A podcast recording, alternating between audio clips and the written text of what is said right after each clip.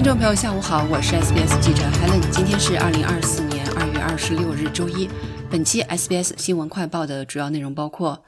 警方仍在搜寻被杀害的悉尼同性伴侣的尸体；澳洲政府对七名俄罗斯监狱官员实施制裁；巴纳比·乔伊斯本周不会出席议会；议会大厦工作人员发起罢工，要求加薪。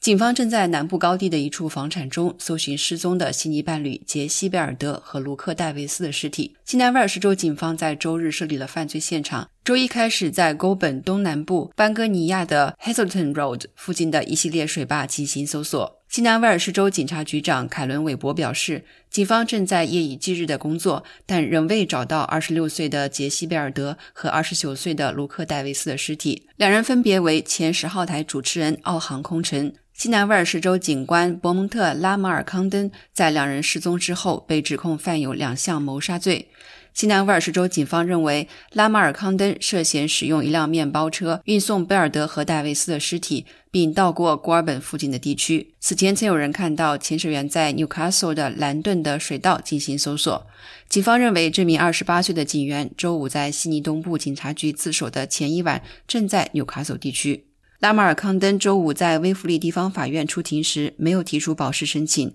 他的案件将于四月二十三日在唐宁中心地方法院开庭审理。关于拉马尔康登和贝尔德的关系，警方将其描述为时断时续，并称他们认为两人的关系在二零二三年底结束，而且结局并不好。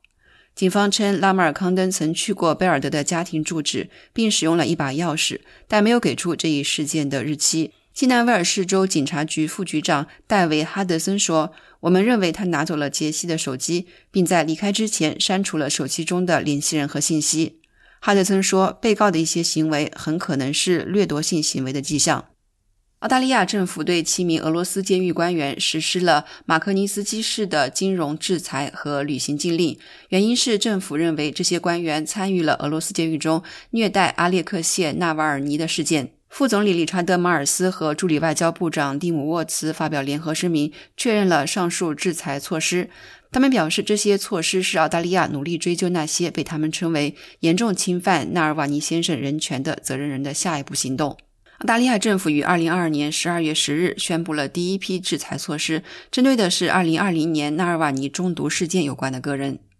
国家党已经确认，巴纳比·乔伊斯本周将不参加议会开会。此前有镜头显示，这位国会议员躺在堪培拉的一条街道上。巴纳比·乔伊斯此前拒绝了请事假的建议，并将该事件归咎于将酒精与处方药混在一起。国家党领袖大卫·利特普劳德告诉九号台，他很乐意接受这位议员暂时离开堪培拉。他说：“我相信巴纳比的话，他本周不会来这里。他已经通知我，他不会来议会。他这周休假，我们给了他与家人团聚的机会。我尊重他的决定。”